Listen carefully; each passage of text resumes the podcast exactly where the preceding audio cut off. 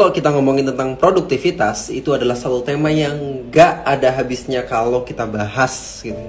Kalau aku buka Q&A, question and ask, gitu, question and answer lah, bercanda ya.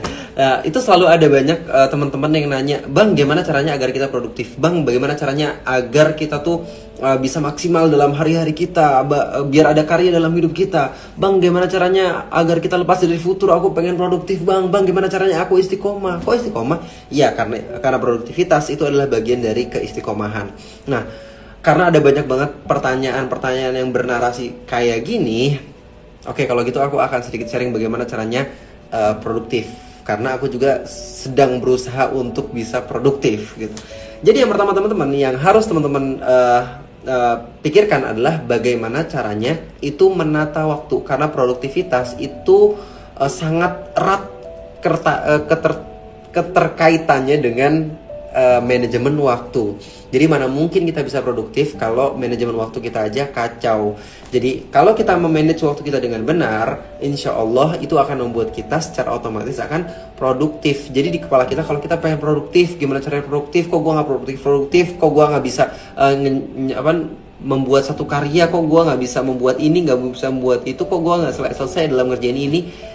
Yang pertama kali harus teman-teman susun itu bukan bagaimana caranya produktif, tapi yang harus teman-teman tata adalah bagaimana caranya teman-teman punya manajemen waktu yang baik karena dengan manajemen waktu yang baik itu akan membuat kita tuh seimbang dalam hal apa pun. Kita jadi tahu kapan waktunya main, kapan waktunya serius, kapan waktunya belajar, kapan waktunya baca buku, kapan waktunya dengerin ceramah, kapan waktunya ngobrol sama temen, silatur, kapan waktunya silaturahim, kapan waktunya uh, santai nonton Netflix. Kapan kapan uh, waktunya ngo main sama anak kapan waktunya ngobrol sama istri. Kita jadi tahu porsi-porsinya gitu. Kalau kita udah punya manajemen yang baik kalau kita udah punya manajemen waktu yang baik.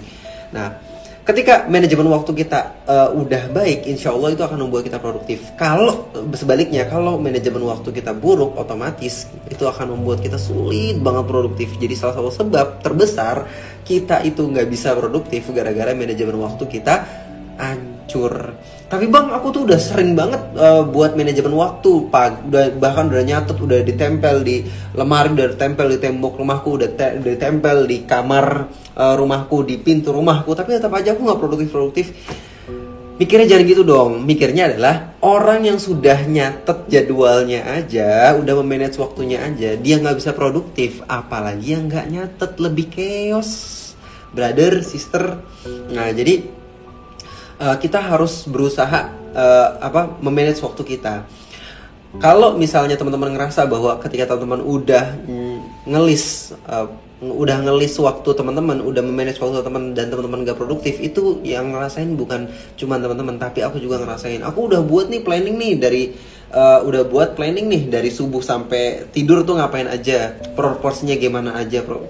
Tapi sehari dua hari jalan, tiga harinya udah lupa gitu. tapi memang itulah. Jadi kita tuh harus berusaha untuk memperbaiki lagi, untuk koreksi diri lagi karena manusia memang sifat dasarnya adalah lupa. Manusia itu uh, al insan asal katanya asal katanya yang artinya makhluk yang sering lupa makanya kita tuh selalu diingetin sama Allah Subhanahu Wa Taala ya kan? Disuruh disuruh kumpul sama orang-orang soleh disuruh baca Al-Quran disuruh saling menasihati dalam kebenaran dan kesabaran. Nah e, karena manusia itu sifatnya sering lupa. Jadi sekali lagi penting banget untuk kita memanage waktu kita agar kita bisa produktif. Nah, kalau misalnya kita uh, nggak manage waktu kita, itu sama aja kayak kita tuh masuk ke ruangan, masuk ke rumah nih, dan semuanya acak-acakan. Coba bayangin kalau uh, teman-teman bisa ngebayangin ya, buku-buku itu ada nyelip di atas jendela gitu. Terus kemudian eh, baju-baju itu ada di kamar mandi semua ngegelantung. Kemudian piring-piring itu berserakan di uh, teras rumah. Terus uh, laptop itu ada di wastafel. Terus lampu bukannya di atas tapi ada di bawah. Pokoknya semuanya kebalik semuanya hancur semuanya uh, chaos gitu tidak pada tempatnya. Nah pertanyaannya apa kita bisa produktif dalam ruangan kayak gitu? Enggak kan? Kita nggak tahu oh gue pengen cari uh, apa ya celana gue di mana ya? Celana gue di mana? Itu aja butuh waktu lama gitu. Apalagi kalau kita uh, yang ditata aja kadang-kadang kita lupa taruh di mana apalagi yang nggak tertata. Nah itu ibarat uh, kalau waktu kita tuh produktif waktu itu ibarat kayak ruang kita nih. Kalau misalnya ruangan kita nggak rapi kita tuh nggak akan uh, sigap dan nggak akan cepat untuk nyari suatu barang gitu. Dan kalau kita udah uh, nentuin udah memanage waktu kita di sana di saat itulah kita bisa menentukan mana yang prioritas untuk kita. Jadi mana waktu ma, mana yang uh, waktu yang harus kita forsir untuk uh, sesuatu uh, untuk sesuatu yang penting gitu. Misalnya kita pengen uh, baca buku nih namatin buku ini maka porsinya itu harus lebih banyak dibandingkan main dibandingkan nonton gitu dibandingkan nongkrong sama temen jadi kita tahu mana yang penting dan uh, mendesak mana yang mendesak tapi nggak penting, mana yang penting tapi nggak mendesak dan mana yang biasa-biasa aja. Jadi kita bisa uh, punya pisau bedah untuk mana dulu nih yang kita selesai nih gitu. Nah kadang-kadang kita nih dalam dalam hidup ketika kita ngejalanin hidup kita tuh ngerjain sesuatu yang memang penting sih, tapi nggak mendesak atau enggak? Ya itu baik sih, tapi nggak penting gitu. Contohnya uh, aku nih berada di pondok tafis misalnya, aku berada di pondok tafis uh, yang paling penting dan mendesak di pondok tafis itu apa? Yang ngafal Quran, terus setoran, murojaah itu yang paling penting. Tapi di pondok tafis kita juga kan bisa dengerin ceramah ya nggak? Bisa nggak? Baik nggak? Baik. Tapi itu nggak mendesak karena kita tuh nggak nggak disuruh untuk nggak disuruh untuk dengerin ceramah kemudian bisa nge-review itu kemudian kita uh, bisa presentasi itu. Kita kan nggak disuruh itu maka itu maka itu sesuatu yang penting tapi nggak mendesak. Jadi kita tuh harus fokus sama sesuatu yang mendesak karena aku ada di pondok tafis ya udah aku tugasnya yang paling banyak waktuku adalah untuk murojaah dan ngafal gitu. Uh, sama misalnya uh, apa sih Uh, baca buku itu penting nggak? Penting mendesak nggak? Mendesak kalau misalnya kita bener-bener pengen ngabisin satu buku. Tapi nge ngeliatin scroll IG itu penting nggak? Kalau misalnya yang kita lihatin juga baik kok. Ada kutipan-kutipan ceramah ada video ini misalnya kamu tonton. Baik gak baik. Tapi itu nggak mendesak bagi kamu gitu. jadi kamu ngapain scroll IG walaupun itu baik tapi nggak sesuai dengan kepentingan kamu. Nah kalau kamu udah manage waktu kamu insya Allah itu bakal terlihat tuh mana yang penting dan mendesak mana yang hmm, penting tapi nggak mendesak mana yang uh, mendesak tapi nggak penting gitu mana yang biasa-biasa aja jadi kamu udah punya pisau bedahnya bedahnya Nah, jadi yang pertama kali kalau kita pengen produktif, yang pertama kali harus kita lakukan adalah memanage waktu kita. Kemudian membagi waktu kita, uh, membagi urusan-urusan kita yang penting yang mana, yang nggak terlalu penting yang mana. Nah, yang kedua adalah dengan meningkatkan ketakwaan. Lah, apa hubungannya bang produktivitas sama ketakwaan, sama ketaatan? Ya hubungannya banyak teman-teman Karena sebenarnya Allah subhanahu wa ta'ala dan Rasulnya Itu memerintahkan kepada umatnya Kita sebagai umatnya untuk produktif Apa buktinya? Buktinya adalah Allah memerintahkan kepada kita untuk mm, Sholat lima waktu wajib ya kan?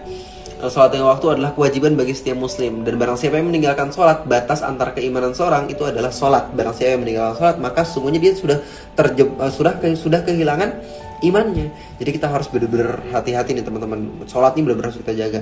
Nah kalau kita terbiasa sholat tepat waktu, itu secara nggak langsung melatih produktivitas kita. Kita bakal menjaga waktu-waktu sholat dan kita akan secara nggak langsung kita melatih produktivitas gitu.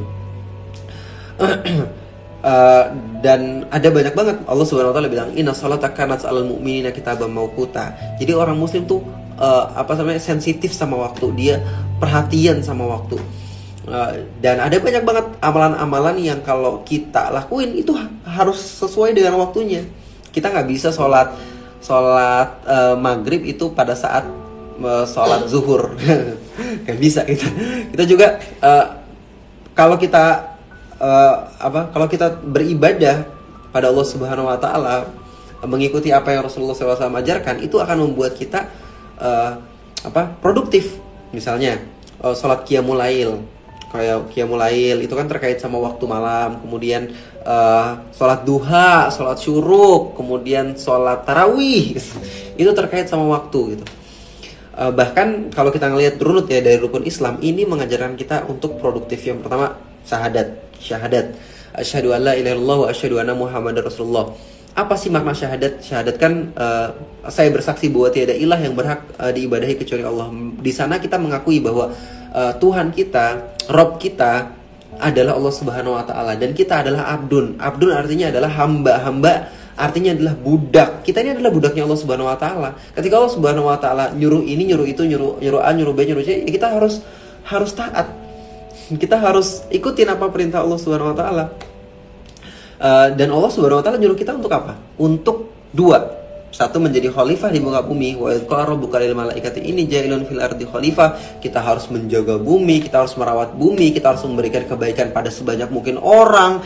Kita tuh harus menerapkan syariat Allah Subhanahu wa taala agar terjadi ke keadilan dan kedamaian di seluruh penjuru dunia. Jadi level kebaikan kita level produktivitas kita tuh bukan selevel uh, desa, bukan selevel kecamatan, bukan selevel negara Indonesia aja. Level kebaikan kita, level produktivitas kita itu harusnya selevel dunia gitu. Karena Allah memerintahkan kita untuk menjadi khalifah fil art, menjadi uh, wakil, uh, menjadi apa penjaga bumi, menjadi menja, menjadi uh, orang yang memberikan manfaat untuk dunia, bukan untuk negara kita aja.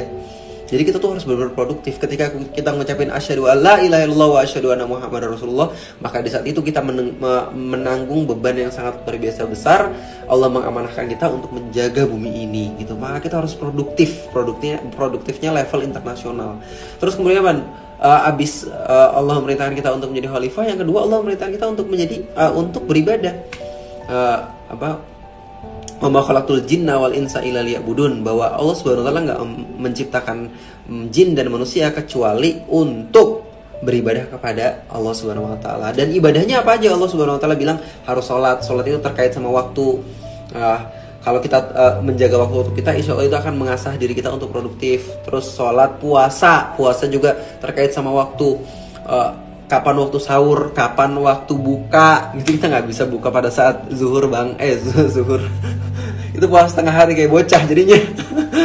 Terus uh, kapan tarawih, kapan kayak mulail gitu.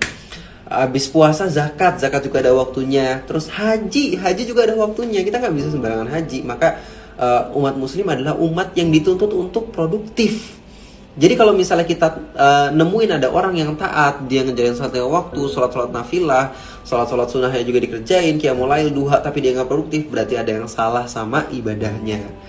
Jadi harusnya semakin kita takwa, semakin kita taat sama Allah Subhanahu Wa Taala, itu akan membuat kita semakin produktif, gitu. Dan kalau kita uh, melakukan apa yang Allah Subhanahu Wa Taala perintahkan dan Rasulnya sunahkan, itu kita jadi tahu teman-teman, kita jadi tahu mana yang prioritas untuk kita. Nah, contohnya misalnya uh, baca Quran baik gak? Baik, tapi waktu-waktu yang paling powerful untuk baca Quran itu pada saat kapan? Pada saat subuh. Habis sholat subuh kita baca Quran. Karena apa? Inna uh, Inna Quran al-Fajri kana masyhuda. Sesungguhnya bacaan Quran itu di waktu subuh itu sangat-sangat mengena buat teman-teman yang uh, pernah sekolah tahfiz itu pasti ngerasain banget pada saat sholat subuh kemudian ngafal itu tuh cepet banget masuknya gitu. Nah bacaan Quran di waktu subuh itu disaksikan sama malaikat. Baik gak ketika baca Quran eh, eh baik gak pada saat selesai sholat subuh kita tuh olahraga? Olahraga baik gak olahraga ibadah gak ibadah. Baik juga untuk kita.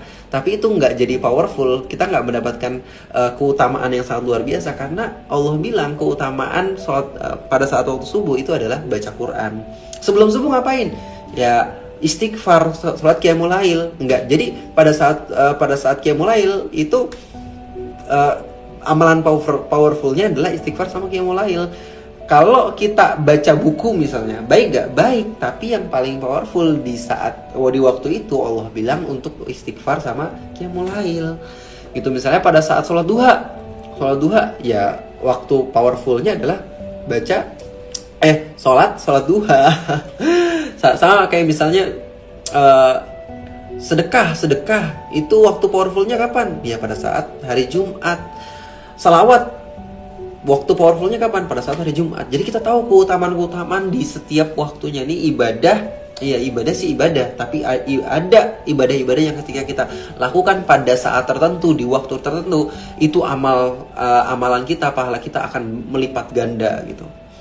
Uh, aku juga udah uh, pernah ngasih tahu di Q&A kemarin ada yang bilang bang aku masih eh, nggak uh, bisa nge ngelepasin kebiasaan aku untuk uh, melihat sesuatu yang nggak bagus di media sosial gitu. Terus aku bilang tahu nggak sih teman-teman Allah Subhanahu Wa Taala melipatkan melipat gandakan pahala di bulan Ramadan. Begitu juga Allah Subhanahu wa taala akan melipatkan dosa ketika kita berani-berani maksiat di bulan Ramadan. Jadi kita harus hati-hati dan jadi kita harus benar-benar melatih diri kita sebelum memasuki bulan Ramadan kita harus benar-benar berlatih untuk bisa taat taat taat. Karena kalau kita misalnya maksiat di di waktu tertentu, di waktu yang dimuliakan di bulan uh, Ramadan itu, dosa kita berkali-kali lipat. Sama kalau misalnya ada orang yang bermaksiat di lokasi tertentu, kayak misalnya masjid, terus kemudian uh, apalagi Masjidil Haram Masjid Nabawi ya itu juga akan ada uh, kelipatan-kelipatan dosanya. Kalau kita buat amal soleh di waktu dan tempat itu itu juga akan membuat amal soleh kita pahala kita berlipat-lipat. Nah kalau kita misalnya memahami syariat Islam itu dengan benar insya Allah kita jadi orang yang sensitif. Kita tahu mana yang prioritas mana yang enggak prioritas. Kita tahu uh, gimana cara manage waktu yang baik? Kita tahu kapan waktu yang uh, yang utama buat kita dan mana waktu yang biasa-biasa aja gitu. Jadi semakin kita taat semakin kita bertakwa pada Allah Subhanahu Wa Taala itu akan membuat kita semakin produktif. Jadi uh, kesimpulannya adalah kalau kita pengen produktif satu manage waktu kita. Terus bagi mana yang penting mana yang gak penting. Dua tingkatkan ketakwaan kita. Karena ketika kita takwa, ketika kita taat menjalankan syariat Allah ini uh, dengan baik, insya Allah itu secara otomatis akan membuat kita menjadi pribadi yang produktif. Mungkin itu aja yang bisa aku share di malam hari ini. Semoga bermanfaat. Sorry ya kalau muter-muter. Kalau misalnya ada yang pengen saran uh, ke aku atau nggak request aku harus ngomongin apa, tulis di kolom komentar. Barakallah. Assalamualaikum warahmatullahi wabarakatuh.